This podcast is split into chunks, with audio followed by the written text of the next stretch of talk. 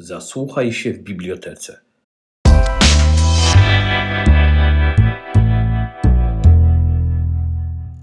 Dobrze, a więc tak, wszyscy wiemy, dlaczego się dzisiaj spotykamy.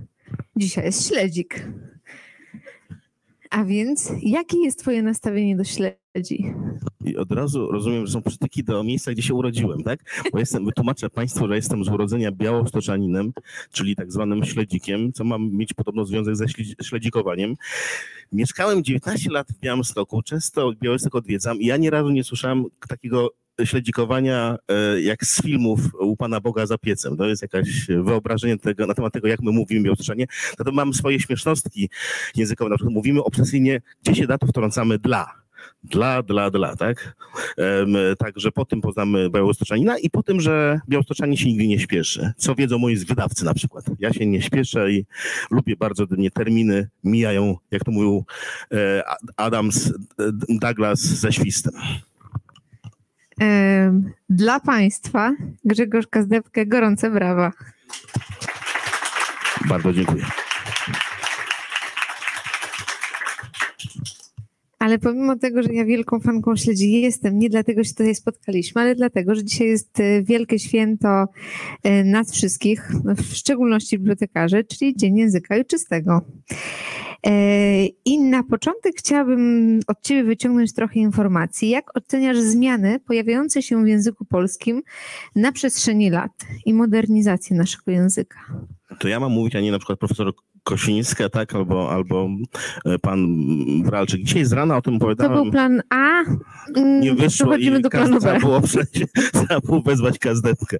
E, e, Ja dzisiaj o tym mówiłem rano w, Polskim Radio, skupiając się bardziej na tak zwanej mowie młodzieżowej, bo my, zwłaszcza autorzy piszący także dla młodszego czytelnika, częstokroć jesteśmy kuszeni przez naszych wydawców, ażebyśmy w naszych książkach zawierali jakąś prawdę czasu wyrażaną słowami, czy na przykład, żebyśmy opisywali slangi młodzieżowe, co jest samobójstwem tak naprawdę pisarskim, ponieważ jak Państwo wiedzą, te wszystkie modne wyrażenia dzisiaj, jutro będą po prostu rozśmieszały e, nastolatki i to do łez. Pamiętam, że gdy lata temu próbowałem z trudem utrzymać i spisanie, podejmowałem się różnych karkołomnych zajęć, na przykład, proszę Państwa, pisałem e, scenariusze telenoweli, wyznam to tak samobójczo na początku spotkania, pisałem, pisałem scenariusze telenoweli Klan, to ja pisałem Ryśku, Ryśku. E, e, e, nie ja go uśmierciłem, ale ja pisałem, tak? E, w każdym razie tam mieliśmy producenta, producenta, który uważał, e, e, że lepiej niż ja zna język młodych. Ja wtedy byłem 30-latkiem, on był lat, no był 60-latkiem i on mi mówił, w jaki sposób mówią młodzi ludzie, a taki też mieliśmy, e, mieliśmy w, seria, w serialu przecież, wśród postaci. I po każdej emisji, gdy ulegaliśmy za NATO producentowi, a za nim stały pieniądze, więc zawsze ulegaliśmy, e, zawsze też otrzymywaliśmy, e, właśnie producent otrzymał na szczęście poprzez swoją sekretarkę listy, e, w których młodzi się z niego wyśmiewają po prostu. Ja pamiętam, przekonywałem go, że jedyne rozsądne rozwiązanie jest takie, jakie zastosował lata temu znakomity pisarz piszący dla dzieci, kochany przez dorosłych także, także przez pisarzy piszących dla dorosłych, Edmund Niziurski, który stworzył swój własny sla- slang młodzieżowy i on wymyślał takie, takie powiedzonko, jak, no, właśnie bujne, barokowe określenia, jak na przykład miejsce, gdzie plecy tracą swą szlachetną nazwę. Tutaj są dorośli, od razu wiedzą o co chodzi. Ciekaw jestem, czy dzieci, czy dzieci wiedzą, o jakie miejsce chodzi. Miejsce, gdzie plecy e, tracą swą, swą szlachetną nazwę. Co to może być? Tutaj widzę młodą czytelniczkę. Może pani zechciałaby się podzielić swoimi sugestiami? Co to jest, proszę pani? Ja przepraszam, mam taki zwyczaj, że dręczę dzieci, bo potem one mnie pytają na spotkaniach, ile ja mam lat, więc ja muszę najpierw, najpierw się na nimi poznęcać. Jak pani sądzi? I co to może oznaczać? Co za miejsce? Na, co to za część ciała? Miejsce, albo inne dzieci może podpowiedzą. Miejsce, gdzie... O panie, pani się zgłasza odważnie, proszę. Pupa. Tak, no brawo, tak, za odwagę. Brawa. Być może po, po raz pierwszy w Sopotece padło słowo pupa tak publicznie. Wcale bym się nie zdziwił, czy już padło. Różne słowa padały, różne skargi przychodziły. Mam nadzieję, że teraz nikt na mnie nic nie napisze. A, ale to jest cały czas odpowiedź na, na twoje pytanie, żeby było jasne. Ja teraz, i teraz po tym takim e, długim wstępie na temat tego, jakich raf mo, powinien unikać pisarz piszący dla dzieci, czy dla młodzieży raczej, bo chyba młodzież jest bardziej czuła na punkcie e, swego języka, nie, nie, nie próbuję w swoich książkach e, dokumentować czasów i nie będę w tej książce, której teraz chwilę piszę, zamieszczał słowa esse, słowa, które wygrało w plebiscycie na Młodzieżowe Słowo Roku. Raczej będę się stosował do, do rad Niziurskiego, żeby stworzyć własny, własny język. I takie słowa, które pojawiają się, znikają, mnie w ogóle nie, nie, nie, nie drażnią. Mnie bardziej drażni to, że e, w, polskiej, w polskim język zmienia, e, że e, angielszczyzna zmienia gramatykę trochę polskiego języka albo e, przeinacza sensy. Ulubiony przykład każdego pisarza dedykować. Tak? Kiedyś dedykowaliśmy książkę naszym czytelnikom, teraz e, pisząc dedykuję swoje umiejętności pisania z czytelnikom. Tak? Jest to idiotyczne po prostu.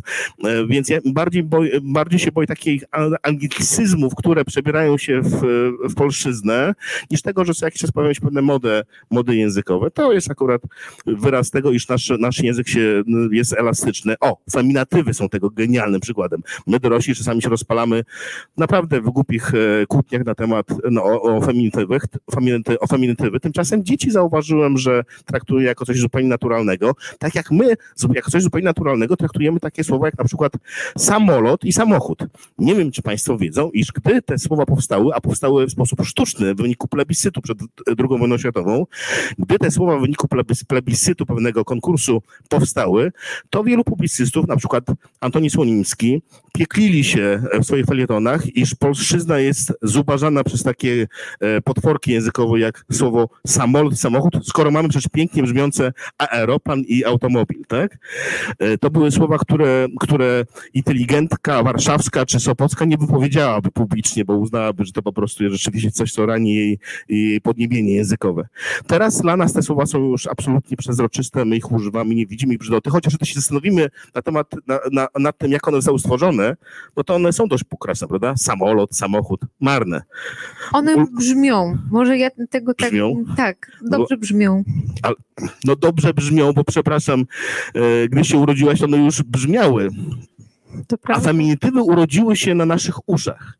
Niektóre feminitywy. Ja też obserwuję sam siebie, no bo przecież mamy, ka- każdy z nas ma laboratorium w postaci samego siebie i obserwuję, w jaki sposób zmienia się mój stosunek do niektórych słów, które mnie drażnią. O ile mam wciąż problem ze słowem ministra, to nie mam żadnego problemu już od, od dawna z, ze słowami takimi jak psycholożka, socjolożka. Tak widzę, widzę absolutną raczej ge, genialność naszego języka, która potrafi takie słowa w naturalny sposób stworzyć. Dla mego syna słowa, które mnie drażnią, są już całkowicie oczywistymi słowami, ale on jest 27-latkiem, który lubi też podkreślać, że on jest nowoczesny, ja nie. Em, Będziemy, dzieci, które tutaj są, nasze dyskusje będą po prostu pewnie kwitowały za czas jakimś wzruszeniem ran. Język się zmienia i tym się nie przejmujmy. E, raczej przejmujmy się właśnie takimi strukturami z innych języków, które wchodzą do, naszego, do naszej mowy. Nie tylko mowy. Chciałam y, zapytać, y, czy weźmiesz udział w moim quizie i odpowiesz mi na właśnie pytanie, czy wiesz, to znaczy essa, paw bądź rel. Przygotowałem się. Ale, e, znaczy wiem, co znaczy S, ale jakie to dwa następne? Paw, Paw? No widziałem takiego, takie ptaka takiego widziałem, a paw. przez V? Paw, paw, no to coś śpi w paw. E, Pewnie, POW, przepraszam, POW. dobra, proszę o pomoc. Dziękuję. Co, co oznacza POW? Bo ja musiałam wszystkie sprawdzić, nie znałam żadnego. Ale co to oznacza? O nie wiem, rzeczywiście. Punkt widzenia? No właśnie, no tak, tak. A, a te trzecie? Rel. Rel. No coś, e, rel. Z rolki pewnie. Rolować? Mam tak samo. Mam tak samo. No więc ja nie mam dzisiaj rel, jak widać, bo tutaj wiele, wiele rzeczy jest niejasnych, tak. Y, A czy masz swoje ulubione pojęcie, słowo, które chciałbyś, aby każdy mały i duży znał? Hmm. Ulubione, tak, za tak z- cisza zaległa. Cieszę się, że nie jestem w radiu, przynajmniej mogą Państwo patrzeć, jaką mam teraz głupią minę. E, szukam takiego jednego ulubionego słowa. Dokładka. Muszę wyznać, że moim ulubionym słowem jest dokładka. E, I też uważam, że dokładka, jako ta proces dzielenia się tym dobrem na stole, na podniebienia, jest też moim zdaniem jednym z najważniejszych wyrazów miłości. Zamiast powiedzieć kocham cię, można powiedzieć chcesz dokładkę. E, trochę, ja często, gdy jestem w trudniejszej sytuacji, a to pytanie spowodowało, że poczułem lekkie głupienie, więc uznaję tę sytuację za trudniejszą, często zasłaniam się jakimiś żarcikami. To jest też mo moja metoda na życie tak naprawdę. Gdy zdarza się coś niedobrego, to często to uciekam się w żart, bo mam wrażenie, że poczucie humoru zostało stworzone przez Pana Boga właśnie po to, żeby się bronić przed Jego światem. Mm, ale to jest dokładnie mówię całkiem poważnie, że naprawdę uważam, że dzielenie się e, dobrociami podniebienia jest wyrazem miłości, a przynajmniej przyjaźni i szacunku. To dla przeciwwagi takie, które cię drażni i, i które mógłbyś zlikwidować, gdyby dało radę. No te wszystkie mm, zaje, nie lubię tych wszystkich zaje fajnych e, słów. E, I te wydają mi się prostackie i chciałbym, żeby zostały rzeczywiście zmazane. Plus moja żona jest, mm, z, pracuje e, w branży PR-owej i nie chodzi bynajmniej o ojców PR-ów, tylko po prostu PR, wizerunek. No i branża PR-owa mówi okropnym językiem. Bardzo chciałbym e, jakoś spowodować, żeby wszyscy pracownicy PR-u po wyjściu ze swoich agencji, swoich biur przerzucali się natychmiast na polszczyznę. To jeszcze krążąc y, wokół języka, a potem y, przechodząc do literatury, chciałabym zapytać Cię, gdy wspomniałeś o feminatywach i, i o nich już się wypowiedziałeś, o zaimki osób niebinarnych. Oto jest, tutaj obserwuję z ciekawością e, mojego kolegę, który jest wykładowcą e, w filmówce, jak bardzo akurat ostatnimi czasy to mu spędza sens powiek. Nie to, że przygotować dobry wykład, tylko w jaki sposób go wygłosić, a potem rozmawiać w tym wykładzie o treściach, które je przekazuje, żeby nie rozdrażnić. Mm, jako, że nadrzędnym, mam wrażenie, mm, zasadą kontaktu z drugim, z drugim człowiekiem powinien być, powinno być okazywanie mu szacunku, to należy też słuchać tego, w jaki sposób chce być y, określanym i mm, należy czasami zacisnąć zęby, nawet jeżeli nam pewne formy wydają się, wydają się śmieszne albo nieprzystosowane, nie przyspawane w żaden sposób do języka polskiego, to mimo wszystko powinniśmy się starać, próbować jeśli nie umiemy ominąć, stosować takich akurat takich form językowych, jaki wymaga ten nasz rozmówca. Czy w swoich książkach starasz się używać tych form? Odkryłem też ostatnio, przeglądając swoje e, książki, zwłaszcza te napisane 20 lat temu, a są takie, bo ja moje książki zacząłem pisać, gdy mój syn pojawił się na świecie tak naprawdę, e, a przynajmniej pomysły na nie zacząłem gromadzić, że e, gdyby ktoś zechciał je tak prześledzić pod tym kątem właśnie nowoczesnego języka i tych założeń iż powinniśmy rzeczywiście stosować się w sposób taki bardzo sztywny do, do tego, co nowy świat niesie, to myślę, że byłbym absolutnym dziadersem. E, I też muszę powiedzieć, że chciałbym bardzo zachować równowagę jednak w pisaniu, w opowiadaniu o moim świecie, bo to jest mój świat, więc zakładam, że ja mam prawo wciąż używać pewnych sformułowań, e, o ile one nie ranią w taki sposób, że, że nie, czuję, nie, czu, nie czuję, że to nie jest jeszcze moja historia. Na pewno e, na pewno moje książki nie są dobrym wykładnikiem do uczenia właśnie takiego e, e, super poprawnego politycznie języka. Ale w swoich książkach uczysz. Tutaj mam na myśli książkę Mam prawo o prawach dziecka, którą pisałeś 11 lat? 11 lat temu. A jak długo ją pisałeś? Krócej. To trochę sytuacja jak Las Krzyży, prawda? 11 lat temu. E, to jest ta książka, mam prawdę, z której się jej wydanie. Ona, no, ona powstawała w mojej głowie dość długo rzeczywiście. Ja pamiętam, byłem kiedyś, ja byłem przez parę lat redaktorem naczelnym pisma dla dzieci świerszczyk. Jako taki smarka zostałem redaktorem naczelnym pisma dla dzieci świerszczyk, które widzę, niektórzy znają ten tytuł. Słucham? Tak, panie.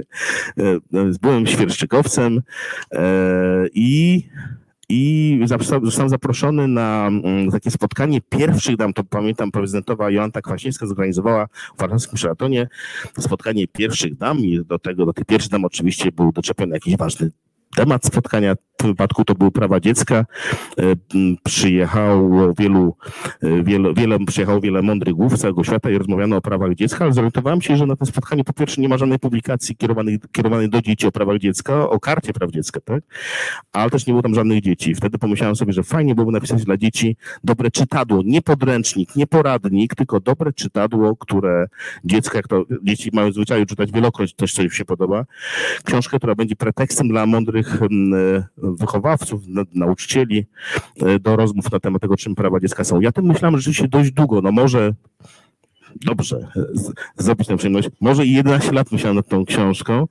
Znaczy, e, ja tutaj chciałabym się obronić, ja tego nie wymyśliłam, e, ja to zrobiłam research. Ja, ja widzę i to tak aż, aż się boję tego researchu, bo ja też zdaję sobie sprawę z tego, że czasami gdzieś w wywiadzie coś powiem, nie dlatego, że to jest prawdziwe, ale dobrze brzmi, a, a potem padam tego ofiarą. Dzieci nauczyły mnie, proszę Państwa, że no bo dzieci zadają w ogóle, mm, ja mierzę na spotkania z dziećmi 20 lat. 21 lat właśnie jeżdżę na spotkanie z dziećmi i bardzo lubię, gdy dochodzi do tego momentu na spotkaniu i myślę, że i tutaj dojdzie, mimo że dzieci nie ma wiele, ale jednak dochodzi do takiego momentu na spotkaniu, kiedy dzieci odważnie zaczynają zadawać te wszystkie trudne pytania typu ile pan ma lat, czy pan lubi się całować, czy to pan napisał Biblię, to zawsze w okresie wiosennym, kiedy dzieci z drugich klas przygotowują się do komunii, no więc one uważają, że to ja napisałem Biblię i mają do mnie o to pretensje, że tam się nie wszystko dobrze kończy. No więc dzieci zadają pytania, pytania. Ja czasami, jako że te pytania się często powtarzają, ja odkryłem, że na niektóre pytania nie zawsze warto odpowiedzieć tak samo, że w sumie dobra odpowiedź jest czasami ważniejsza niż prawda. To fatalnie teraz to. Ale tak na potrzeby widowiska, tak? No a potem właśnie padam ofiarą właśnie takich historii. Zapewne chciałem powiedzieć, że, pisa- że pracowałem nad tą książką długo. Myślałem na nią rzeczywiście wiele, wiele lat. Sam proces pisania to już jest ostatnia część tworzenia książki i ona, ten proces pisania zawsze w moim wypadku przebiega dość szybko, także już, już ta książka w mojej głowie jest rzeczywiście bardzo długo i zachowuje się jak ta rozpychająca się łokciami Atena w głowie Zeusa, to, to ja już wtedy ją wyrzucam z swojej głowy. Nie widzę w sobie Zeusa, żeby było jasne, tylko, tylko po prostu no, wyrzucam z siebie ją, ją w postaci często gotowych zdań, które potem tylko szlifuję, więc sam proces pisania zajął może trzy miesiące, no ale myślałem nad tą książką wiele, wiele lat.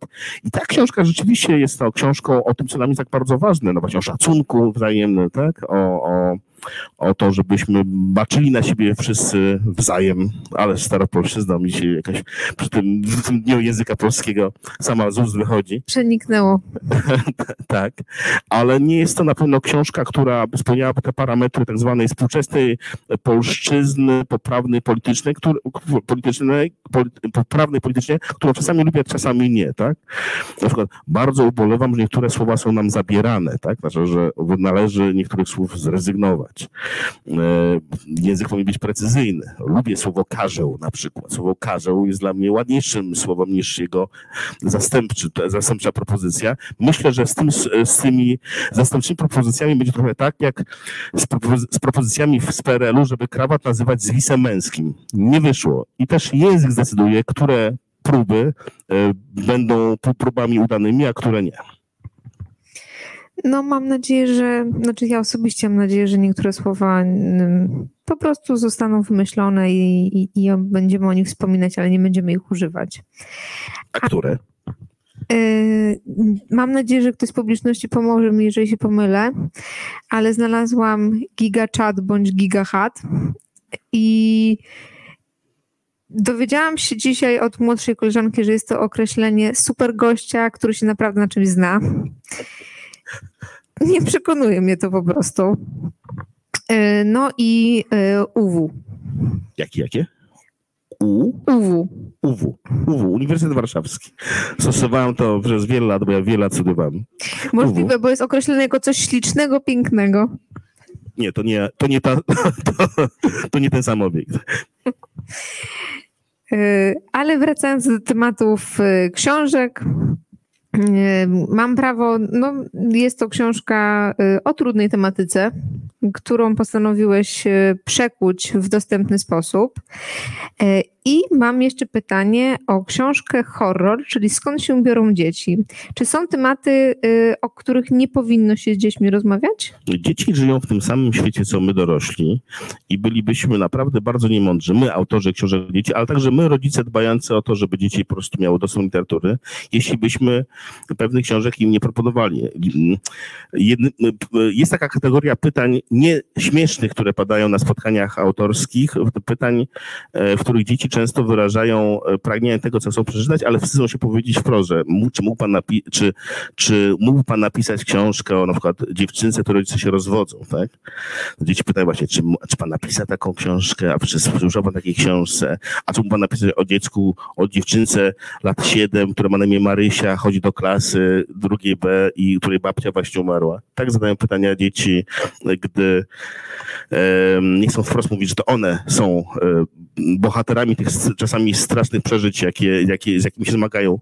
I takie książki powinny powstawać, ponieważ, ponieważ no, dzieci szukają także w, w nich czasami samego siebie, odbicia siebie. Zresztą sama świadomość, że kto inny przeżywał, przeżywa, przeżywał podobne problemy, powoduje, że nam już łatwiej te problemy znieść, tak? Nie wydaje mi się, że są tematy, które byłyby tabu. A propos tabu, no to tutaj są też wydawcy, wiem o tym, ale nie będę patrzył teraz w ich kierunku, żeby ich nie peszyć. E, wydawcy, wydawcy jakiś czas temu, jeśli chodzi o tabu, wręcz oszaleli. W moim przypadku to objawiało się w ten sposób, iż po wydaniu książki horror, skąd się biorą dzieci, a ja tam w tej książce rzeczywiście dość wprost w pewnym momencie napisałem, skąd się biorą dzieci, zachęcono do tego przez, przez psychologów zajmujących się małymi dziećmi, ale także przez wspomnienia mego własnego synka Kaspra, który w wieku lat trzech wypytywał mnie, jak, się to, jak to się w ogóle wszystko dzieje. Ja już nie wiem, co powiedzieć, powiedziałem tak wprost, jak to się dzieje. I ja powiedział, aha, i wrócił do klocków Lego. I wtedy odkryłem, że dzieci po prostu przyjmują świat, takim on, jak, małe dzieci przyjmują świat, takim on, jakim on jest, bez sensacji. Sensacje robią starsze dzieci albo dorośli.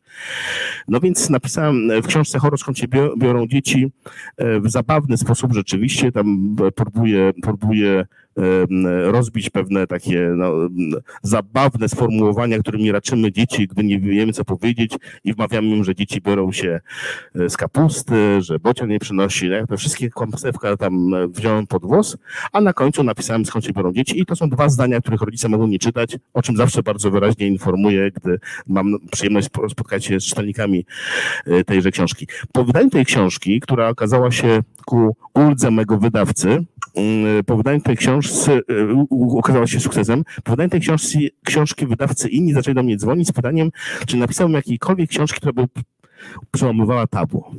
Ja pytam, jakie tabu? Oni mówili, jakiekolwiek tabu. Chodzi o to, że przełamać jakieś tabu. Coraz trudniej znaleźć tabu, które nie było już wielokroć połamane, a potem posklejane.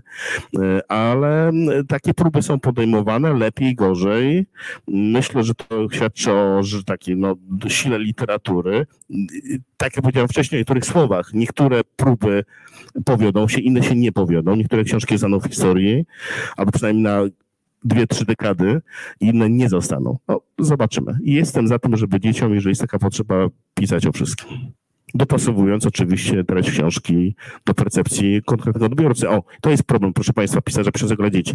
Mówimy cały czas dla dzieci, ale dla jakich dzieci piszemy? Czy to dla dziewczynki lat 7, 8, czy dla trzecio, trze, trzylatka, czterolatka, czy dla szesnastolatka, który w punktu widzenia prawa także jest dzieckiem? Dla dzieci. Najpierw musimy sobie wyobrazić, kto jest tym dzieckiem, które czyta książkę. W moim wypadku to było proste. Miałem syna Kacpra, mój syn rósł. Moje książki i tematy, które są podejmowane, rosły wraz z moim synem. Teraz mój syn ma już lat 27, dlatego napisałem książkę łajdacką. Czy on oceniał twoje książki? Nigdy. Nie lubił zwłaszcza Kacperiady. Mój syn ma na imię Kacper i pierwsza książka, jaką napisałem, to była książka pod tytułem Kacperiada. Dostałem za nią natychmiast masę różnych nagród to nie było premia za to, tak, że ta książka jest taka dobra, ale ja byłem mężczyzną młodym, a wtedy nie było młodych mężczyzn piszących dla dzieci i już wiedziałem, że zdobędę nagrody i rzeczywiście sprawdziło się. Książka spodobała się także dorosłym, bo jest pisana z perspektywy takiego nieporadnego ojca, jakim byłem, opowiadającego o swoich, swoich rodzicielskich przygodach. I ta książka nadal jest takim samograniem. Widzę, że wciąż się podoba, mimo że inni mężczyźni też zaczęli pisać książki dla dzieci. No i, i Kasperiada bardzo szybko stała się lekturą szkolną, także ku utrapieniu mego syna Kaspra w jego szkole. I Kasper na lekcjach języka polskiego musiał opracowywać opowiadania o samym sobie. Żeby było śmieszniej, nigdy nie dostał dobrej oceny. W, w, zachowanych na pamiątkę zażytach języka polskiego, w takich zażytach, w których odkryłem takie kwiatki na przykład temat, dwukropek, analiza opowiadania z książki gry.kazdepkę, no tam temat, temat te, tytuł opowiadania i, i jaka to książka. E, zawsze było parę koślawych zdań Kaspra i podpisek, po, dopisek czerwonym długopisem pani nauczycielki. Tylko tyle. Mogłeś się postarać bardziej. Także Kasper nie był fanem Kasperiady, ani jej kontynuacji Kaspra z szuflady. Co więcej, gdy poszedł do, do szkoły, e, do gimnazjum, wrócił już po pierwszym dniu wściekły i zapytał, czy ja, czy ja go w ogóle pytałem o to, czy mogę o nim pisać. I przyznam, że zbaraniałem, bo też nie pytałem go, albo byłem tak przekonany, iż czynię mojemu synowi takie szczęście wielkie i spra sprawiłem, iż jest bohaterem literackim, no, że nie zapytałem go, czy mogę nie pisać. Po prostu o nim pisałem i już.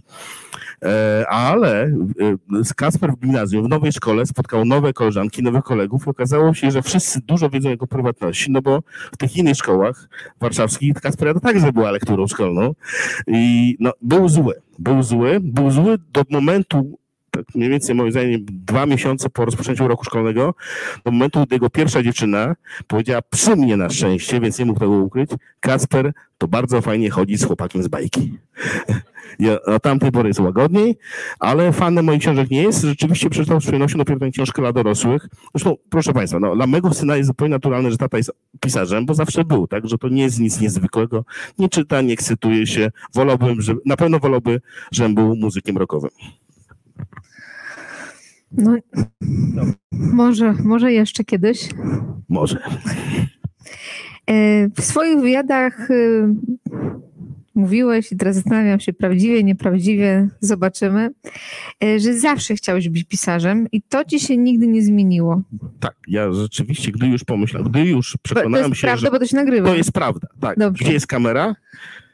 To jest prawda. Ja zawsze chciałem być pisarzem, znaczy zawsze e, mówimy o tym, o momencie w moim życiu, kiedy książki stały się dla mnie ważne. One nie stały się ważne w moim życiu od razu. Bardzo proszę, żeby dzieci teraz natychmiast wymazały z pamięci to, co teraz powiem, dobrze? Ja do trzeciej klasy szkoły podstawowej nie, nie lubiłem czytać książek. E, To był wynik mego pecha. Po prostu trafiałem na nudne książki. Moja mama popełniała wszystkie możliwe błędy em, na temat tego, w jaki sposób zachęcać dziecko do czytania. Na przykład mówiła mi, przynosiłam jakąś książkę w- porwaną w kwiatki, mówiła, to jest moja ukochana książka z dzieciństwa. Albo przynosiłam jedną książkę, mówiła, słuchaj, przy tej książce będziesz płakał jak bób. No fantastycznie. Marzyłem o tym, żeby płakać jak bób przy książce o kwiatkach i o myszce. No więc nie czytałem książek oczywiście. E, Moja nauczycielka języka polskiego, moja pani wychowawczyni, czyli pani nauczycielka, która uczyła jak teraz, w pierwszych klasach właśnie wszystkiego, tak, i polskiego, matematyki, dyskretnie dawała mojej mamie do, do zrozumienia, że dobrze było mi przysunąć do jakiejś takiej szkoły, no, no, że to, że to dziecko e, trochę niepełnosprawne się będzie lepiej czuło, no bo ona nie umie, nie umie czytać dobrze. Ja właściwie zacząłem czytać dopiero dzięki komiksom, bo, no właśnie, to kolejne moje szczęście i teraz nie będzie pod, podlizywanie się w ten sposób. Ja miałem zawsze szczęście do tego, że trafiałem na fajnych bibliotekarzy, a zwłaszcza na fajne bibliotekarki. Tacy jesteśmy. I, i, i w mojej szkole, mojej szkolnej bibliotece, w szkole podstawowej numer 4, mówię do kamery, w szkole podstawowej numer 4 w Białymstoku pracowały fantastyczne panie bibliotekarki. Jedna z nich rozmawiała z nami dzieciakami, także z takimi chłopakami, którzy raczej grali w piłę niż, niż e, chodzili do biblioteki. Chociaż chodziliśmy do biblioteki, bo tam można było przesiedzieć na, na, na mm, przerwę, na przykład oglądać kolorowe pisma. To było fajne, tak? Em, rysunki dowcipne, o, to mnie interesowało. I moja nauczycielka, moja pani bibliotekarka po rozmowie ze mną uznała, że on chyba nie jest takim kretynem, może mu podsunę, może jeżeli takie książki e, normalne, tak zwane, to tak komiksy i dała mi oczywiście, To bardzo miło z jej strony. bardzo miło, podsunęła mi tytuł Saromka Jatomka. I ja oszalałem. Po prostu oszalałem. Y, Okazało się, że uwielbiam obcować z tym przedmiotem, jakim jest książka. Lubię ten proces przewracania kartek, szukania tekstu. Ba, okazało się po przeczytaniu pierwszego albumu, że w ogóle składanie tych literek wcale nie jest trudne. Że składanie z- literek słów, ze słów zdań też jest, nie jest trudne. Że w ogóle lubię szukać tych literek. I że w pewnym momencie, gdy wyczytałem wszystkie komiksy w naszej szkolnej bibliotece, nie było ich dużo, bo to był PRL, a w PRL uważano, że komiksy są po prostu czymś B. jednak trochę ich było, po przeczytaniu wszystkich komiksów, pani moja bibliotekarka, ta sama mądra pani bibliotekarka, pani Lucyna, posłała mi kolejną książkę, tym razem już z mniejszą liczbą ilustracji, bo to już nie był komiks. To był Finek, książka Jana Garbowskiego z ilustracjami Jerzego Flisaka, tak to pamiętam. I ja tego Finka po prostu pokochałem, przeczytałem tę książkę raz, drugi, trzeci, czwarty. I, do, I wtedy z kolei, gdy już przeczytałem pierwszą, drugą, trzecią, czwartą książkę, poczułem, że wow, ja też chcę być takim kłamcą, bo jakoś zawsze myślałem o pisarzach jako o kłamcach, którzy wymyślają fajne kłamstwa.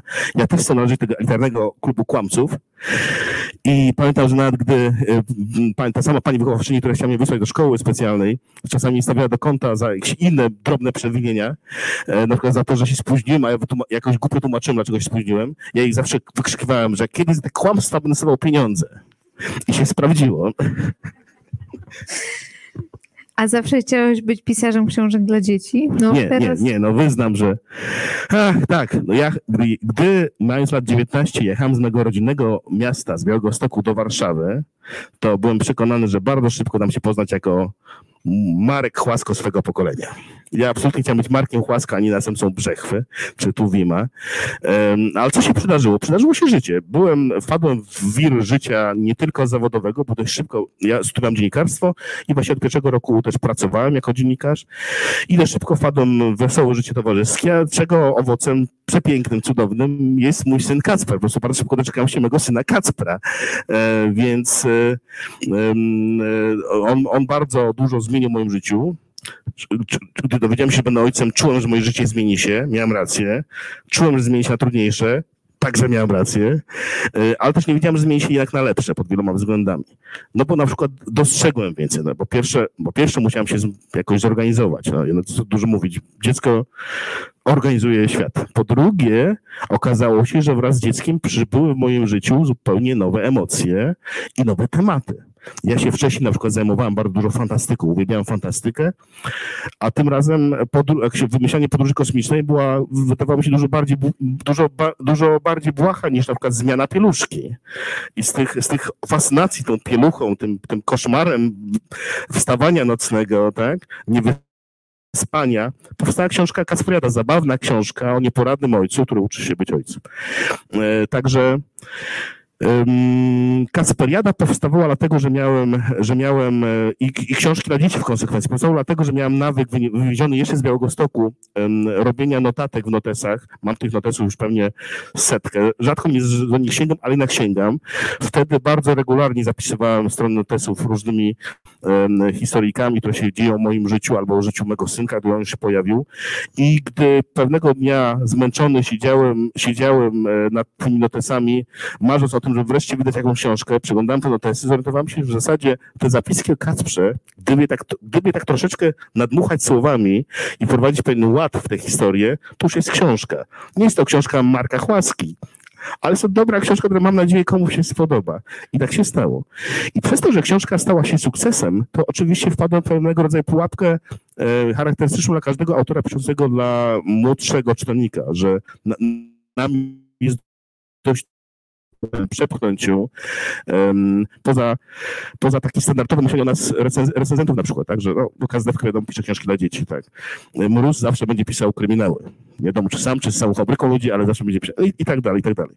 Tymczasem jednak we mnie to pragnienie napisania książki dla dorosłych trwało, e, ale odkładałem je dzięki temu, co się działo w moim domu, czy przez to, co, co się działo w moim domu, przez to, że bycie ojcem stało się dla mnie bardzo ważną częścią mego ja, że ja czegoś nie spodziewałem.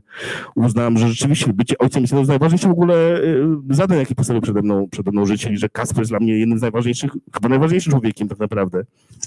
No więc fascynował mnie i te relacje, obserwowanie młodego człowieka przedstawiającego. No więc pisałem książki dla niego i odkładałem napisanie książki dla dorosłych przez 25 lat. Ale wreszcie napisałem. To gdzie, y, przy którym pisaniu jest więcej zabawy? Dla dzieci czy dla dorosłych? I tu i tu powinna być zabawa zabawa. Y, y, Mam wrażenie, że chociaż po jednej książce i jeszcze napisanej na spółkę z innym autorem, mowa o książce Królik po islandzku, a tym innym autorem jest świetny polski pisarz Hubert Klimko-Dobrzaniecki, którego byłem przez wiele lat czytelnikiem po prostu, a potem miałem przyjemność stać się współautorem. Napisaliśmy 30 opowiadań, 15 historii jego, 15 opowiadań moich. To są historie dwóch facetów, którzy bardzo lubią smakować życie. Odkryłem przy pisaniu tej, tej książki, tej połówki książki, więc to jest chyba za mało jeszcze, żeby mówić coś naprawdę takim, z taką dużą pewnością siebie, ale odkryłem, że jednak prawdą jest to, co wiele osób mi powtarzało, iż pisanie dla dorosłych jest pod wieloma względami prostsze. Na przykład, i tu wróćmy do Dnia Języka Ojczystego, Dużo, na dużo więcej swobody mogę sobie pozwolić, gdy piszę książki dla dorosłych. Mm, Mogę chociażby, no, pier, pierwsze skojarzenie, chociażby mogę używać przekleństw, tak? Przekleństwa są fantastyczne. Każdy lubi przekleństwa, kto lubi język polski. Polskie przekleństwa są soczyste, są ciekawe. No, ja lubię, każdy lubi tak naprawdę. Nie zachęcam do stosowania. Zresztą, jeżeli. Nie mówię, że nigdy. Ja napisałem książkę, proszę Państwa, dla dzieci o Savoir Vivre, Bączyton. Tam Kuba i była, może Pani kiedyś trafi na tę książkę, Bączyton. I tam w tej książce jest między innymi rozdział przekleństwa. Gdy jeździłem na spotkania autorskie mi prosili nauczyciele, Panie Grzegorzu, może Pan by powiedział naszym dzieciom coś- o tej książce o Savoir Vivre, bo nasze dzieci takie niegrzeczne. To no, czasami mówiłem także o tych przekleństwach i zauważyłem, że gdy się dzieciom mówi nigdy nie przeklinajcie, nie używajcie tak zwanych brzydkich wyrazów, no to jak to działa? To wiadomo, że taka rada jest radą od razu do zgniecenia i wyrzucenia do kosza, prawda? Ale gdy mówimy, używajcie rzadko, bo dlaczego przekleństwa są ważne? Przekleństwa są jak przyprawy w potrawach. Jeżeli za dużo damy pieprzu ka- kajentu, to będzie nie do zjedzenia. Ale jeżeli ktoś, dorosła osoba, potrafi umiejętnie tam tych przypraw e, czasami użyć, to dodaje, no właśnie, pikantności czy pikanterii, zależy czy pikci w kuchni czy w pracowni literackiej swemu, swemu dziełu. Także pisanie pod tym względem dla dorosłych okazało się łatwiejsze, ponieważ właśnie nie musiałem już uważać, czy nie piszę czegoś, co rozdrażni jakąś osobę dorosłą, a to jest ciekawostka, że w ostatnich latach zauważyłem, że pisanie dla dzieci przestało być w ogóle niewinnym zajęciem. To już jest część wojny światopoglądowej. Zawsze po każdej książce pojawi się jakiś mail w mojej skrzynce mailowej, nie wiem skąd jak zdobyty, już nigdy nie więcej nie kupię pana książeczek. E, Albo zawiódł mnie pan. Ale oprócz tego dostaję też na przykład się inne maile, tak? Niemniej zawsze jest ktoś oburzony, no, że nie wiedziałem, że pan jest tej czy po tamtej stronie. A gdy piszę książki dla dorosłych, to w zasadzie jestem, zauważyłem, poza tym, tym wiecznym sporem, wiecznym boksowaniem się światopoglądowym, bardzo charakterystycznym dla Polaków, y, mogę sobie pozwolić na, na więcej. Poza tym mogę sięgać do biografii e, w sposób swobodniejszy, bo ja każdą swoją książkę na, na, najbardziej wymyśloną jednak okraszam wydarzeniami z mego życia albo doświadczeniami z mego życia, a w książce Królik po islandzku, tej dla dorosłych, już mogą jeden do jednego te wydarzenia opisywać bez uciekania się do jakichś metafor. A czy wszystkie historie są prawdziwe, czy część jest wymyślona albo podkoloryzowana, żeby lepiej Ale w, którym, w której książce? Królik po Króliku? islandzku. E, Hubert Klimko-Dobrzaniecki, którego mm, poznałem, poznaliśmy, pozna, znamy się od 6 lat, ale znaliśmy się słabo, nas zbliżyła do siebie pandemia. COVID ma też dobre strony. W czasie e, COVID-u Hubert mieszkający w Wiedniu bardzo się, się nudził. Przypomniał sobie o mnie, napisał do mnie akurat mnie z kolei COVID uwięził w Australii. Też Australia piękny kraj, świetne wina, ale też w pewnym momencie się zacząłem nudzić, więc odpowiedziałem na tego maila. I tak e, no, od słowa do słowa, co robimy, wymyśliliśmy, napiszemy wspólnie książkę. Ja Huberta wciąż poznaję. To też jest ciekawe, bo, bo mamy wrażenie, e, napisaliśmy książkę, jeździmy od pół roku na, na spotkania z tą książką, czasami jesteśmy razem. Rzadko tak długo gada, dużo gadam, gdy jest Hubert obok, on jest jeszcze większym gadową niż ja. E, Ale też jesteśmy świadkami, mamy tego świadomość. To jest fajne chyba, gdy spotkają się jednak mężczyźni już no, 50-letni. Mamy świadomość także tego, że jesteśmy świadkami jakiejś rodzącej się przyjaźni. To jest przyjemne. To też nie jest takie łatwo. Nie tak jak w szkole, że pani sadzała Jolę z Basią i to już były przyjaciółki, prawda, na najbliższych 8 lat. My, my się rozpoznaliśmy po prostu poczuciu humoru, bo właśnie to jest dla mnie bardzo ważna kategoria też rozpoznawania ludzi. Poczucie humoru pozwala nam rozpoznać ludzi do nas podobnych. Jeżeli śmiejemy się z podobnych spraw, to zapewne jesteśmy zgodni także w wielu innych rzeczach, też tych światopoglądowych również. Mamy podobne poczucie humoru, jesteśmy w podobnym wieku, jesteśmy obydwaj totalnie Hrabalnięci, czyli zafascynowani e, pisarzem Bohumilem Hrabalem, to ważna w ogóle też postać dla pi pisarzy w moim wieku. My 50-latkowie mieliśmy absolutnego hopla na punkcie Hrabala i literatury czeskiej, oto Paweł oczywiście tam również się pojawiał. Więc mamy też podobne podejście do literatury. Obydwaj także kochamy opowiadania, ten krótko, lubimy tę krótką formę literacką, tak niedocenianą przez polskich wydawców, którzy twierdzą, że Polacy opowiadań nie czytają. No, ja czytam, więc pewnie takich jak ja jest więcej. I w tej książce uparliśmy się, że opiszemy wydarzenia z naszego życia, bo to jest no, opowieść, która zaczyna się w PRL-u, opowieść taki, taki właśnie warkocz opowieści, która zaczyna się w PRL-u, kończy teraz.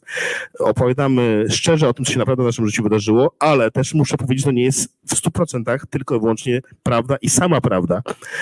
Użyję koszmarnego, kulinarnego porównania, dobrze? Bo w książce pojawiają się także przepisy kulinarne. To nie jest książka kucharska, ale jako, że książka o smakowaniu życia, różne są smaki, tak? Smakiem, jednym smaki takie pojawiają się w książce, jak muzyka oczywiście, wino, literatura, kobiety. Dużo tu jest gadania o, o, o kobietach, zaraz powiem dlaczego, ale jednym ze smaków takich oczywistych jest po prostu to wszystko, co smakujemy poprzez, no, dzięki kuchni, tak? No więc e, niektóre nasze opowieści, wszystkie nasze opowieści są spuentowane potrawami, przepisami, bo obydwa jesteśmy mężczyznami gotującymi, Uważam, że mężczyźni gotujący to są ci najfajniejsi mężczyźni na świecie, z którym się najprzyjemniej żyje. E, I uznaliśmy, że będziemy, będziemy szukali w naszych, w naszych życiu takich fragmentów, które możemy opisać, e, które są prawdziwe. Ale właśnie, te koszmarne porównanie. Jako, że w książce, książka jest książką 50-latków, no to piszemy o, o też potrawach, które z punktu widzenia na przykład jakby mm, tego, co mówimy o klimacie, nie są już tak popularne. Nasza książka momentami jest krwawa, tak? Tam są różne też krwawe przepisy, bo nie udajemy, że w PRL jedliśmy steki z kalafiora, nie jedliśmy steków z kalafiora. E, więc jaka jest prawda w tej książce? Ta prawda jest taka jak kupiona u rzeźnika, taka krwawa tłusta karkówka, której nie podamy właśnie w, w, ten sposób gościom. Zanim tę karkówkę podamy, to ją przyprawimy i upieczemy i dopiero wtedy postawimy przed gośćmi. I prawda w tej książce o naszym życiu także jest rzeczywiście taką krwawą karkówką, ale upieczoną, przyprawioną, a więc troszeczkę zmieniliśmy niektóre smaki, żeby to było bardziej atrakcyjne dla czytelnika. A jakie emocje wywołała u ciebie taka podróż w czasie? Okazało się, że chociaż jak powiedziano na samym początku tego spotkania, czasami mam skłonność do zasłaniania się, gdy są trudne historie w moim życiu, śmiechem. I ta książka także jest taką właśnie, ponieważ mimo iż opowiada o trudnych czasami historiach z naszego życia, to jednak jest to książka, która ma przynieść naszym czytelnikom uśmiech. Bardzo lub, lubię, gdy pisarz daje czytelnikowi przyjemność czytania, a nie um, taką świadomość, że Jezu, tę pozycję koniecznie muszę przeczytać, bo jest modna, ale już mam jej dosyć. Nie, tam nasza książka ma sprawiać przyjemność. Jesteśmy wielbicielami pisarzy, którzy nie męczą, tylko e, cieszą swoją literaturą czytelników. No więc tutaj także, pisząc na trudnych sprawach, staraliśmy to zrobić w taki sposób, żeby momentami czytelnik się uśmiechnął, ale to nie oznacza, nie oznacza, że w nas pewny strun to nie potrącało. I ja, e, zwłaszcza gdy cofnąłem się we wspomnieniach do czasów, e, w których pojawia się, pojawił się też w książce mój ojciec, no poczułem rzeczywiście, że nagle gdzieś tam łzy się zbierają w mojej głowie i, i że i trafiłem na psychoterapię. E, poszedłem na, musiałem, musiałem przypomniałem sobie pewne no, trudne, trudne historie z mego życia, a moja rodzina muszą Państwo też wiedzieć, nie muszą Państwo wiedzieć, ale będzie Państwu miły, mile tutaj siedzieć, jak to powiem. Moja rodzina jest mała, za to bardzo skłócona i właściwie cała, cała całe życie się odgrażałem, być może dlatego też chciałem być pisarzem, że kiedyś o was kurczę napiszę książkę. I całe szczęście, że nie napisałem tego mm, tych dwa lat temu 20, bo chyba nie umiałbym emocjonalnie sobie z tym poradzić. Pewnie też warsztatowo nie umiałbym sobie z tym poradzić. Dzisiaj myślę, że i warsztatowo, dzięki dzieciom, bo książki dla dzieci bardzo uczą precyzji, ale też dzięki temu, że już jestem facetem trochę starszym i po pierwszych swoich doświadczeniach z psychoterapią. Teraz już te emocje tak no, mm, nie będą targały. Niemniej rzeczywiście ta śmieszna książka wywołała, wywołała we mnie masę łez, bo po prostu dowierciłem się do jakichś takich pokładów smutku, które miałem nadzieję, że są porządnie zasypane, a nie są. I nie zastygły, jak się okazało, bo nie wszystko zastyga. I dlatego czasami też piszemy książki, bo chcemy wyrzucić to z siebie. I ja, następna książka, którą będę pisał, oprócz tej, którą obiecałem dzieciom, kolejnej książce pozytywce, zresztą muszę napisać książkę pozytywce, bo już tak, ja wiem, muszę napisać, po pierwsze obiecałem i napiszę, a poza tym, no muszę z czegoś żyć, wie pani. E, jakoś pozytywka bardziej mnie karmi niż kulik po islandzku. Już też po pół roku jeżdżenia z książką kulik po islandzku już poznałem, jakie są realia sprzedaży książek dla dzieci, dla dorosłych.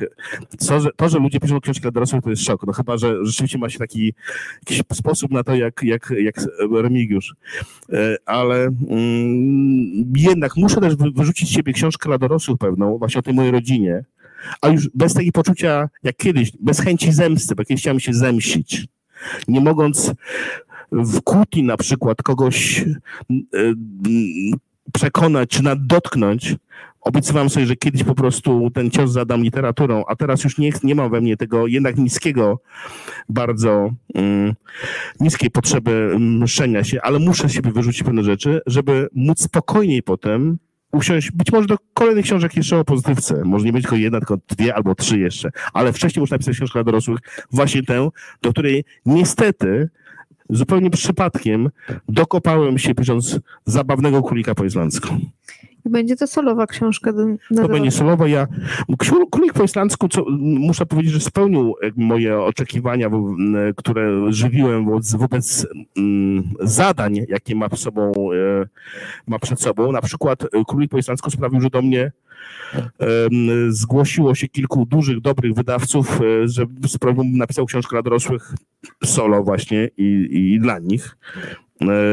I cieszę się z tego, że, że jednak udało, udaje się pomalutku także przekonywać, że pisarze książek dla dzieci potrafią także pisać dla dorosłych. Ja wiem, że potrafią, ale nie każdy y, Niektórzy recenzenci za, zaczynali swoje, swoje, y, opowie, swoje relacje na naszej książce słowami to, to zdumiewające, ale byli zdumieni, że ktoś, kto pisze dla dzieci, potrafi dla dorosłych. Potrafimy, tak. A czy przez jakąś historię przestałeś lubić albo straciłeś jakiś smak, który wcześniej ci pasował, albo miło do niego wracałeś? Nie, smaki raczej, smaki są towarzyskie. Y, jeden smak przyciąga zawsze drugi smak. Rzadko się traci, y, traci smak nas. Nie, nie, nie, nie straciłem, ale jestem ciekaw twojego pytania, bo być może czytałeś tę książkę, rozumiem, jakoś niedawno i któreś z opowiadań spowodowało jakiś twój upsmak? E, najbardziej we mnie siedzi cały czas kotlet z chleba. To Hubert. To Hubert, to jest, to jest jedyny, jedyny przepis żart, bo tu właśnie bardziej mówimy o przepisie niż o, o o pojedaniu. E, przepis żart, bo wszystkie inne przepisy są takimi przepisami, za które gwarantuję, można, które można zrobić, zjeść, zachwycić się, zauroczyć żonę albo partnera czy partnerkę. Naprawdę tak. Ale a kotlet ko, ko, schabowy po koszalińsku to był wynalazek z dworca zachodniego w Warszawie Zachodniej, gdy przychodziło do takiego baru, gdzie już nie było za bardzo do jedzenia, został tylko chleb i sos pieczeniowy, to panie to sprzedawało jako, e, jako schabowy po, po koszalińsku, czyli macały ten chleb w tym sosie pieczeniowym i za drobną sumę karmiły studenta. A podjadasz jak piszesz? Ja ciągle podjadam. To jest mój straszny dylemat. Ja próbuję schudnąć ostatnio, nie udaje mi się. Podjadam. Tak, ja bardzo często uciekam z z, mego, z mojej pracowni do kuchni. Ja lubię gotować. Uważam, że w ogóle jest pewna wyższość kucharzenia nad pisaniem, bo gdy pichcimy coś w kuchni, to można, gdy pichcimy coś w pracowni, w gabinecie, to czasami pichcimy wiele tygodni, wiele miesięcy, a na końcu i tak jest przepalony schaboszczak, e, e, jakieś marne dziełko, a gdy pichcimy coś w kuchni, to jeszcze tego samego dnia możemy zawołać, stworzymy arcydzieło. E, I to jest ta wyższość gotowania nad nad, nad pisaniem, że można, jeżeli ktoś lubi być twórcą, a ja lubię być twórcą, e, to tak, to, to kuchnia daje takie możliwości też szybkiej, szybkiej satysfakcji. Tak? Gdy piszę literaturę, gdy czytam ale i piszę rzeczywiście. Gdy piszę na przykład o, o, bohaterach, którzy zapijają się winem, to niestety chce mi się pójść od razu na wino, tak. To, to była trudna książka. No ja podjadałam, jak czytałam. Myślę, że, że ci z Państwa, którzy jeszcze po nią nie sięgnęli, to ja polecam um, orzechy nerkowca, pistacje. bo no, dużo się tego wciąga Ale robi się głodny Ja tylko bardzo wyraźnie, znaczy, to naprawdę jest książka kucharska. Nawet zabroniliśmy, p- zabroniliśmy naszemu wydawcy pisać na okładce książki, że tam są jakieś przepisy, bo i tak już to, że pojawi się moje nazwisko, Grzegorz Kazdepkę przy, przy Hubercie w książce, która raczej nie wygląda jak książka dla dzieci, to już jest jakaś konfuzja naczelnika przyzwyczajona do tego, że zawsze proponuje coś, co ma bawić, jak na przykład pozytywka. Ale tu jeszcze rane boskie przepisy, no to y, wiadomo, gdzie tę książkę, na której półce postawić. Pamiętam przygodę z książką pani Ronikier, Ogrody Pamięci. Pani Ronikier napisała książkę wspomnieniową Ogrody Pamięci i gdzie ją można było znaleźć w Empikach? W dziale ogrodnictwo. Bałem się, że ta książka trafi do działu e, kuch, ku, kuchar z- książkami kulinarnymi, a nie jest taką. To są opowieści, opowiadania dwóch facetów, którzy wciąż bardzo lubią smakować życie, może nawet bardziej niż kiedyś. Mm, Książka, która no, jest jakimś takim rzeczywiście chyba dobrze opisana, jeden z recenzentów op- opisał ją w zabawny sposób jako, w zabawny sposób jeden z recenzentów opisał e, e, wymarzoną kategorię wiekową czytelnika. 40 plus. Uznano, że ludzie 40 plus najbardziej odnajdą się w tych opowieściach z czasów, kiedy się nagrywało e, audycję Tomka Bechińskiego w trójce radiowej, czasów, kiedy jeździło się za granicę rozumianą jako NRD czy Czech, Czechosłowacja, e, z czasów OHAP-ów i tak dalej. E, Czy dziesięciolatkowie przy- e, także czytają tę książkę, skupiają się na anegdotach i, i ta książka bawi, ich bawi, tak. E, no, Osoby w moim wieku wspominają i się wzruszają. Ym, Wymieniasz dwa nazwiska. Jedno jest twoje, drugie jest Huberta, ale nazwisko, nazwisko jeszcze jedno powinno być wymienione. Jest Aleksandra Cieślak. Ola Cieślak, moja znakomita przyjaciółka, świetna y, ilustratorka, graficzka, e, twórczyni ksi- książek artystycznych z, e, z, po ASP warszawskim, z pracowni książki profesora Buszewicza, która dała się poznać i jako autorka książek dla bardzo małych dzieci, zarówno ilustrowanych, jak i pisanych, bo ona bardzo zgrabnie, zgrabnie pisze, zwłaszcza takie wiązane, rymowane, dobre teksty, świetnie, jest bardzo dowcipna. No i dlaczego Ola? Ole znam od lat y, i bardzo chciałem, żeby y, ona przygotowała okładkę książki. Marzyło mi się, znowu proszę, żeby dzieci zatarły w pamięci. To, zresztą musimy zaraz oddać jak głos dzieciom, żeby miały jakąś świadomość, że warto było tu przychodzić, prawda? Zaraz jakiś może miał. Tak, to będzie. E, Marzyło mi się bardzo, ja bardzo chciałem, proszę Państwa, żeby Ola zrobiła e, tę e, okładkę, ponieważ, że okładkę tej książki, inną na początku, ponieważ znam- wiedziałem, że Ola też świetnie operuje, świetnie od, um, w taki znakomity sposób rzeczywiście potrafi rysować cielesność. A ta książka miała być taka też cielesna. I chciałem, żeby to było widać. I chciałem, żeby, chciałem, żeby od razu każdy, zobaczył moje nazwisko na, na okładce tej książce, wiedział, żeby nie pomylił się, że to jest książka dla dorosłych. Więc mi się w ogóle wymarzyła, jako bajkopisarzowi, wymarzyła mi się okładka z gołą babą. Bardzo chciałem mieć na okładce gołą babę. E, I poprosiłem, czy Ola by taką okładkę przygotowała. Ola z, z radością przygotowała okładkę z gołą babą. Zachwycająca okładka. Niestety wydawca przestraszył się Facebooka, bo zorientował się, że Facebook, jak wrzucimy taką okładkę na, na zdjęcie Facebooku, to Facebook co zrobi? Zamaże gołą babę narysowaną. Urwana ręka w wypadku samochodu może być, tak? Ale goła baba nigdy. To jest jakaś paranoja. No więc Ola przygotowała inną, inną okładkę, ale jako, że była jedna ilustracja za dużo, to ja sprytnie na moim wydawcę, słuchajcie, może byśmy zrobili w ogóle nietypową książkę.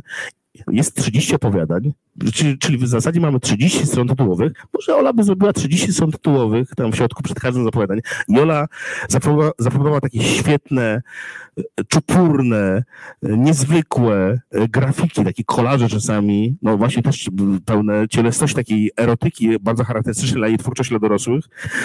I muszę powiedzieć, że moim zdaniem ilustracje Oli są najlepszym, co Państwo znajdą w tej książce. Potem są przepisy, potem opowiadania Huberta, na końcu moje. E, Świetna. Żałujemy tylko jednego. Okazało się, że kolor zielony. Zastanawiałem się, dlaczego tak rzadko kolor zielony jest wykorzystywany przez wydawców. Odkryłem to, gdy poszedłem z tą książką Królik po islandzku do programu Marcina Mellera, jeszcze wówczas TVN24, drugie siedenie mistrzów. Marcin Meller pozwalał autorom, swoim znajomym, gdy, gdy, gdy któryś z nas, ktoś z nas wydawał nową książkę, Marcin zachęcał wręcz, żebyśmy przynosili nowości, pokazywali. Ja przyniosłem Królika po islandzku, zapytałem Marcina Mellera, czy mu będę mógł pokazać w programie Królika po islandzku. Marcin nie patrzył na książkę, powiedział oczywiście, po czym wszedłem do studia, okazało się, że jest jakiś, usłyszałem, że już siedziałem przypięty tego wszystkiego, do czego jest przypięty gość, tak? Siedziałem przy stoliku, za trzy sekundy prawie miało, a miała się rozpocząć audycja, a słyszę jakieś straszliwe zamieszanie, rumor, wbiega jakiś facet z brodaty, z dzikim wzrokiem, rzuca się na moją książkę i na chwilę, naprawdę na chwilę, nim się pojawiliśmy na ekranie, wyszarpuje mi tę książkę spod ramienia i rzuca się pod stolik i tak na czworaka ucieka za kamerę. A co się, co się wydarzyło? No my to wszystko kręcimy, to wszystko, ten program jest kręcony na Greenboxie. Wszystko co zielone znika po prostu, jest przezroczyste.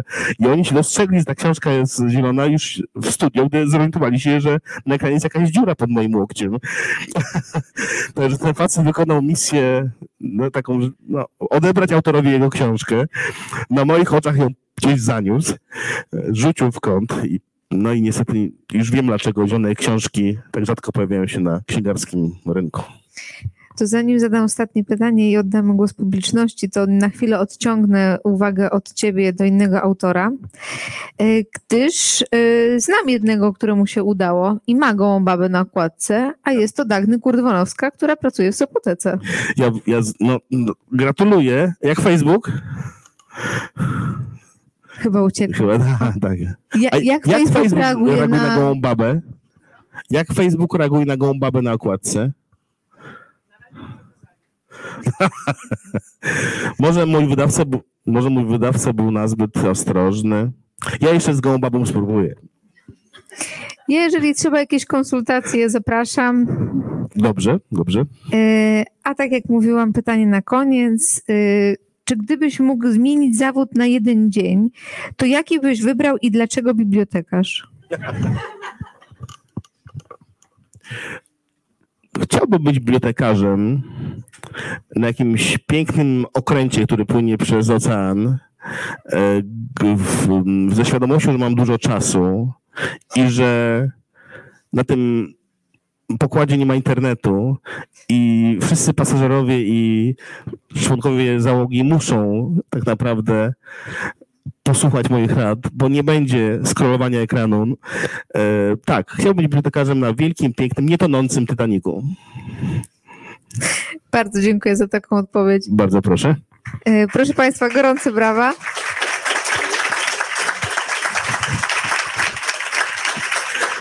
A teraz podejrzewam, że będzie najtrudniejsza część py- spotkania, kiedy dzieci zaczną swoją straszliwą misję zadawania mi trudnych pytań typu ile pan ma lat? Najlepsze pytanie, jakie mi do tej pory zadano, brzmiało, czy był pan kiedyś przystojny? Dzieciaki śmiało, po tamtym już mnie nic nie zaskoczy chyba. E, Dzieci też często pytają o pieniądze, to mnie to jest zaskoczenie. E, Pamiętam taką Masz? rozmowę dwóch ośmiolatków, ośmiolatko, siedzieli spo- na, początku, na, na przedzie sali, dwóch ośmiolatków, jeden ośmiolatków e, zapytał, podniósł rękę, odważył się, ile pan zarabia? No pomyślałem sobie, że no, mówienie dzieciom o konkretnych sumach to trochę jest bez sensu, bo te sumy są, wydaje mi się, dla nich tak abstrakcyjne. Potem trzeba tłumaczyć, że przy mnie nie zarabiałem tak regularnie, no bo rzadko który pisarz zarabia co miesiąc, prawda? Więc y, uciekłem się takiej, no mało w sumie jednak e, efektownej odpowiedzi, że zarabiam tyle, że mi wystarcza na życie, tak? A ten ośmiolatek trącił kolegę, powiedział, stysiaka ma. Także dzieci, jeżeli macie pytania, to śmiało teraz, trudne, a jeżeli nie dzieci, no to oczywiście zachęcam wszystkich Państwa do zadania pytań. Ale już mam pierwsze pytanie od dziecka, bardzo proszę, Ja muszę podejść z mikrofonem. bo to jest, proszę Pani, rejestrowane pytanie. Jak się nazywa naprawdę kot? Kot w książce Mruczando. Tak, y, książka Mruczando, to muszę tylko, jeśli pani pozwoli, ja opowiem dwa, dwa słowa o tej książce tym państw, z państwa, którzy jej nie znają. Mruczando na trzy rodziny jedną kamienicę to jest opowieść e, stworzona właśnie jest cała cykl opowieści, są opowiadania, które powstały, gdy byłem jeszcze w Australii, uwięziony przez COVID, więzienie, najpiękniejsze więzienie świata, proszę Państwa, to jest właśnie Australia. E, Miałem tam dużo czasu i warunki, żeby pisać książkę. No i okazało się po tych kilku miesiącach w Australii, w pięknym miejscu, że ja tęsknię, tęsknię do mojej Saskiej Kępy, gdzie mieszkam od lat, gdzie mieszkam w takiej dwupiętrowej, niedużej kamienicy, nie tak pięknej jak te e, w Górnym Sopocie na przykład, ale, ale też fajnej. E, Oprócz mnie tam mieszka pewien aktor, e, dziennikarka, no są trzy rodziny, mała kamienica, z nasze zwierzaki. Wtedy był tylko kot, teraz jest kot i pies. No i ten kot należy do bardzo znanego aktora. Nie mogę niestety, proszę pani, zdradzić jego nazwiska. Aktor jest skromnym człowiekiem, za to kot ma wszystkie cechy celebryty. Przychodzi do mnie, gdy jestem w Warszawie, prawie każdego dnia, drapie w drzwi, pozwala się przez 2-3 minuty adorować, a potem wraca do swoich kocich spraw.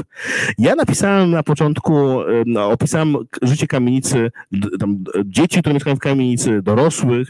Opisałem tak jeden do jednego. Tak jest pan Grzegorz Bajko, pisarz, pani Zofia, żo- żona pana Grzegorza, Kasper tam jest mój, tylko tam występuje jako nastolatek.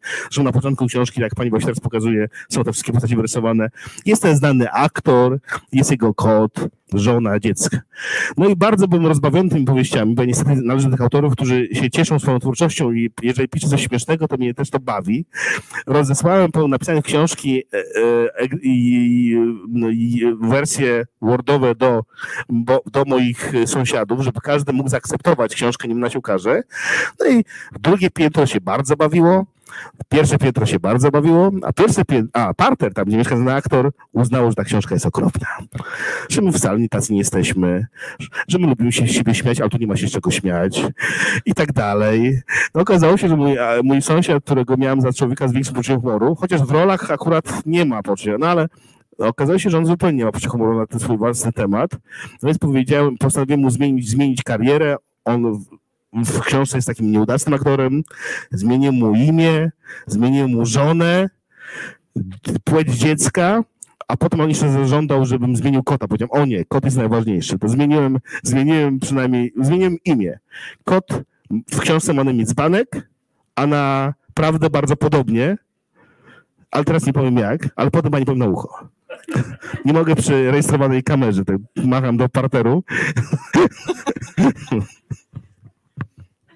Mamy drugie pytanie, bardzo proszę. Biegnę z mikrofonem. To jest e, w ogóle dzieci na spotkaniu to jest taka radość, bo gdy, jest spotkanie, też zauważyłem dzięki królikowi, gdy przyjeżdżam na spotkanie autorskie z dziećmi, mam zawsze na spotkaniu, nie wiem, z 200-300 osób, e, jestem przez to rozpuszczony. E, Gdy pada pytanie, czy ktoś chce zadać pytanie, wszyscy chcą zadać pytanie, a gdy jeżdżę na spotkanie królik po islandzku, gdzie są tylko dorośli, to pada właśnie to pytanie, które przed chwileczką tak ładnie sformułować, ktoś z Państwa, jest, może ktoś z Państwa zechciałby, to nagle wszyscy patrzą, o, dłoń. Uuu. To ja mam w ręku ten telefon, ale są dzieci, więc dzisiaj będzie Proszę pana, tak. czy będzie jeszcze książka o Bodziu i Rozalce? O to muszę też Państwu wyjaśnić, ale Państwo, którzy przyszli dzisiaj na dyktando, mają porcję dziecięcej literatury, prawda? E, Wyjaśnię, że Bodzio i Rozalka i Grześ to są bohaterowie moich romansów dla przedszkolaków. Ja napisałem pięć romansów dla przedszkolaków. Kiedyś na moim spotkaniu autorskim pojawiły się małe dzieci. Ja się boję przedszkolaków na spotkaniach, ale przychodzą czasami ze swoimi ambitnymi, ambitnymi paniami e, z przedszkola.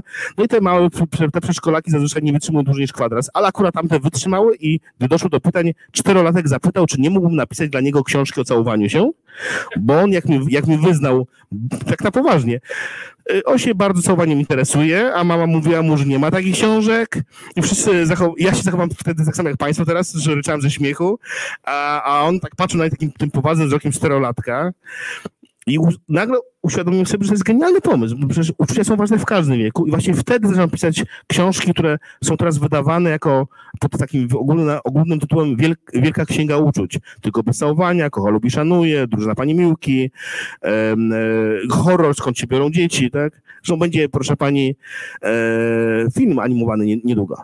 Więc muszę, proszę pani, jeszcze napisać i jeszcze jedną książkę muszę napisać, bo napisałem o uczuciach i emocjach, napisałem jedną książkę o tym, skąd się biorą dzieci i napisałem jedną książkę o, war- o wartościach, tak? Od, odwaga, radość, taka pogoda ducha. Mu- Jeszcze jedną napisać książkę o wartościach, czyli o Grzesiu, Rozalce, Bodziu. Tak, obiecuję to tu w Sopotece, że tak, na, a napiszę taką książkę.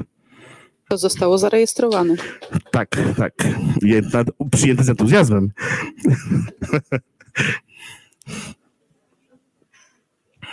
Czy naprawdę pana syn y, gra na gitarze? Tak, mój syn jest, e, gra na gitarze, gra na gitarze basowej, gra na gitarze elektrycznej. Wydaje na lutnika więcej pieniędzy niż moja żona na płaszcze, a to naprawdę dużo. E, mm, tak, gra, gra i gra nieźle, chociaż teraz nie gra w żadnym zespole. Grał w zespole Król Duch, którego można znaleźć, posłuchać sobie w internecie. A jak ktoś lubi rockową muzykę, to, mhm, to polubi, także to. A jak tak naprawdę miał na imię dekty- detektyw Pozytywko? Aha, muszę panu, detektyw pozytywka, to jest, proszę pana, są dorośli na sali, muszę wytłumaczyć, dobrze? Detektyw pozytywka to jest z kolei bohater moich sześciu kryminałów dla małych dzieci, dla, nie, nie dla małych dzieci, właśnie nie dla małych dzieci, dla uczniów już szkoły podstawowej. Detektyw pozytywka jest moją lekturą szkolną. Jest to książka, przy której, przez którą czasami chce mi się płakać, ponieważ gdy przyjeżdżam na spotkanie autorskie do szkoły jakiejś podstawowej, gdy wchodzę do tego pomieszczenia, które zostało uznane przez dyrekcję szkoły, szkoły za najlepsze do zorganizowania spotkania autorskiego, co to za pomieszczenie? Tak, sala gimnastyczna. Sala gimnastyczna, gdzie są wszystkie dzieci, no żeby wszystkie dzieci skorzystały z tego spotkania. Połowa dzieci siedzi na krzesłach, połowa pod kal- gdzieś tam na daleko, daleko, ci najstarsi, pod y, drabinkami. Połowa dzieci tak leży na materacach, bo ja, dzieci są spędzane pół godziny wcześniej, żeby wszyscy, żeby wszyscy już byli gotowi, jak ja przyjdę. Więc te dzieci najmłodsze leżące na materacach już są nieżywe prawie ze zmęczenia, gdy ja przychodzę. No i jest, przy, przy, jest także mikrofon w takiej sali gimnastycznej, ale on nie działa tak dobrze jak tutaj. On harczy, a e, głośnik trzyma, głośnik przeważnie jest takim, takim metalowym po- stojaku i tam on ten stojak się chwieje i trzyma go w WF-istę. I tak to wygląda. Jest to wielka sala, 700 osób i wtedy ja mówię, ale to miało być spotkanie na 80 osób i przecież ja nie dam rady. To jakaś pani bibliotekarka, zawsze miła, klepie mi po ramieniu mówi, poradzimy sobie. Po czym wpycha mnie do środka, no i ja wtedy oczywiście czego chcę? Chcę pociechy i zawsze tak patrzę takim przerażonym wzrokiem na te dzieci z nadzieją, że jakieś dziecko e, podniesie rękę, powie mi coś miłego, typu lubi pana książki i zawsze jak się dziecko podnosi rękę, to jest przeważnie chłopiec i ja tak zawsze łapię się na to i tak z nadzieją pytam, tak, co chcesz powiedzieć? A on mówi, to pan napisał detektywową pozytywkę? Tak, dostałem z pana pałę. A jak ma na imię, proszę pana, detektyw pozytywka? Po napisaniu czterech książek, wyznam to, wyznam to za pana odważne pytanie i za to, że w ogóle dzieci znowu ratują spotkania autorskie. Po napisaniu czterech książek o detektywie pozytywce, ja, autor detektywa, zorientowałem się z ogromnym wstydem, że nie wiem, jak mój bohater ma na imię. Detektyw pozytywka. Zawsze był w mojej głowie po prostu detektywem pozytywką. Nigdy nie pomyślałem o imię. Kiedyś jakiś, e, jakieś dziecko zapytało, jak on ma na imię, a ja tak patrzę na to dziecko mówię, nie wiem. Y, I wtedy wymyśliliśmy z wydawcą, bo po- opowiedziałem o tej przygodzie wydawnictwu, nasza księgarnia, która jest wydawni, wydawcą mm, pozytywki, powiedziałem o tym i wydawca wymyślił, że ogłosimy konkurs internetowy wśród internautów właśnie na młodych, na imię, na, i na. Y, Tam napisaliśmy, że szukamy imię dla geniusza detektywistyki, jakie imię byłoby najlepsze dla geniusza, no jakie imię mogło e, wy- zwyciężyć w takim konkursie. Imię dla geniusza, proszę Państwa, dzieciaki. Eugeniusz oczywiście, tak. Także w książce, proszę pana, która już jest ilustrowana, w książce pod tytułem Dzieciństwo detektywa pozytywki, wreszcie detektyw pozytywka, je- jeszcze wtedy nie detektyw, tylko dziecko, które marzy o tym, że będzie detektywem, pojawi się jako mały genio pozytywka, a na geniusza, czyli na Eugeniusza zdąży wyrosnąć do następnej książki. Dobrze, to teraz damy szansę tamtej stronie i potem do ciebie wrócę. Detektyw Pozytywka ma rodzinę. Ym, pochwalę się, mam i, i, to, i to wbrew pozorom będzie cały czas odpowiedź na pani pytania. Tylko proszę wytrzymać pierwsze zdanie. Pochwalę się najpierw. Mam trzy fankluby. Dwa z moich fanklubów tworzą dzieci. Jeden z moich fanklubów założyły mamy moich czytelników. I ten fan klub, mam fan klub mam, innymi słowy. I ten fan klub mam nigdy nie prosi, zawsze żąda. Nie ma prośby, może pan, tylko proszę napisać. I fan klub mam już dawno zażądał, bo tak to chyba muszę jednak sformułować, aby napisał książkę pod tytułem Miłość detektywa pozytywki. Bo jedna z tych mam nie może znieść tego, że jest taki, jak to ona określiła, niezagospodarowany. Także w, e, w książce Miłość detektywa pozytywki pojawi się rodzina detektywa pozytywki. Czy on chce, czy nie chce. Będzie połączenie kryminału z romansem. Pana, Tak.